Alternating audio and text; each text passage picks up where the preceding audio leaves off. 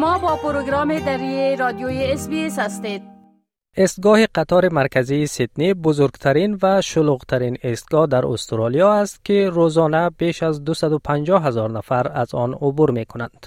مرتب نگه داشتن آن کار بزرگ است و همینطور مایه افتخار بزرگ برای نظافتچی 80 ساله آن ویسا گریوسکا است کسی که می‌گوید هرگز خسته نمی شود Never tired. Work, must work. Home, here. I'm not lazy. We have to clean. I have to clean. It's my job.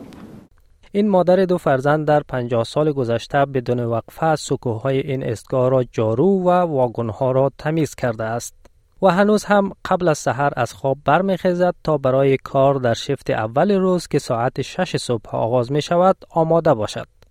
دخترش گردانا از اخلاق کاری مادرش در حیبت است و به او افتخار می کند. My mum is pretty inspiring, you know, to work in the one role and for 50 years to be in the same employment. It's an amazing thing. I'm very proud of my mum. She's had about two or three Christmas days off. My mum's taken very little sick leave in 50 years and it's hard act for anybody to follow. گردانا می گوید که حتی واگونی که با آن چمدانها را از قطارهای اطرافی برای تحویل به مسافران انتقال می دهند به نام مادرش یاد می شود.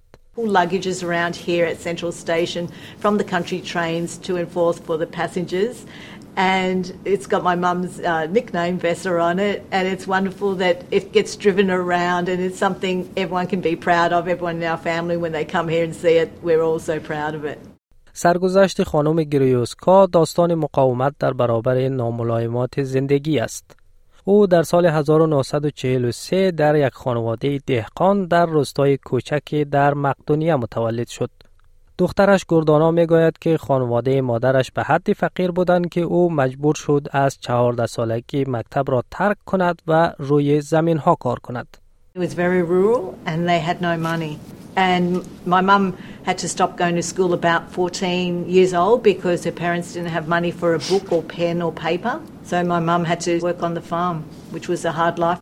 خانم گریوزکا در سال 1970 با همسر و دو فرزندش به استرالیا مهاجرت کرد و در ابتدا در یک کارخانه مشغول به کار شد.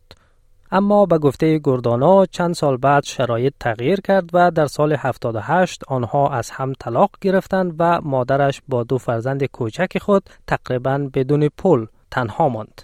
She got divorced in 78, so then she was left by herself with two small children and virtually no money. I remember I was getting 20 cents allowance for buy an apple at school.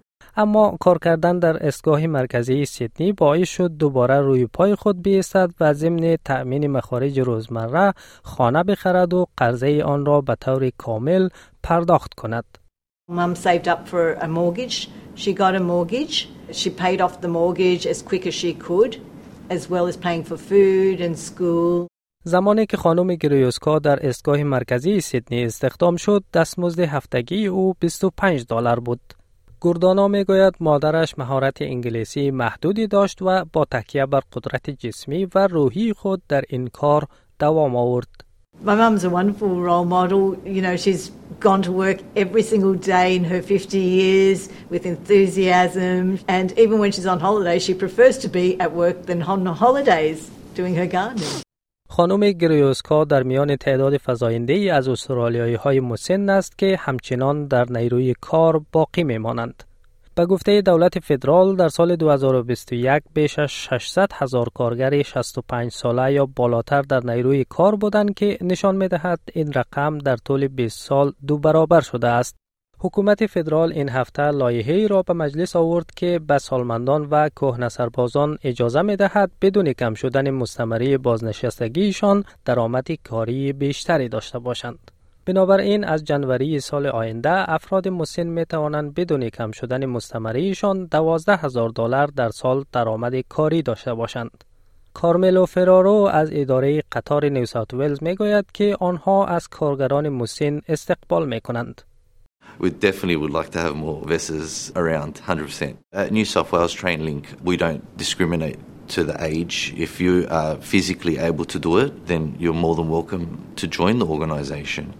در ماه جاری از پنج دهه تلاش خستگی ناپذیر خانم گریوسکا تجلیل می شود. دبی مدیر سکوی اداره قطار نیو ساوت ویلز با ستایش از تعهد کاری خانم گریوسکا اخلاق کاری او را الهام بخش نسل جوان می داند. Vessa's work ethic is an inspiration to the younger generation because she shows that you can have a dedication to a job no matter how long you've been in it. If we had more Vessas, it would just change our workplace immensely, immensely. Yeah, I think we'd be a happier workplace.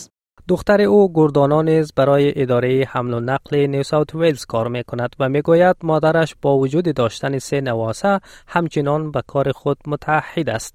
This Christmas, Mum's working. She's working Christmas Day, Boxing Day, New Year's Eve, and New Year's Day. We would have a very different life if it wasn't for my mum. She decided, as a smart woman, to say, I'm going to Australia for a better life. And that just changed the course of our lives so wonderfully.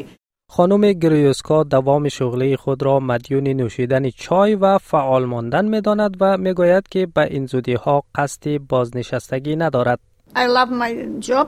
I want to clean. I not like retire because me good woman, good worker. I like to stay. بپسندید، شریک سازید و نظر دهید. اسپیس دری را در فیسبوک تعقیب کنید.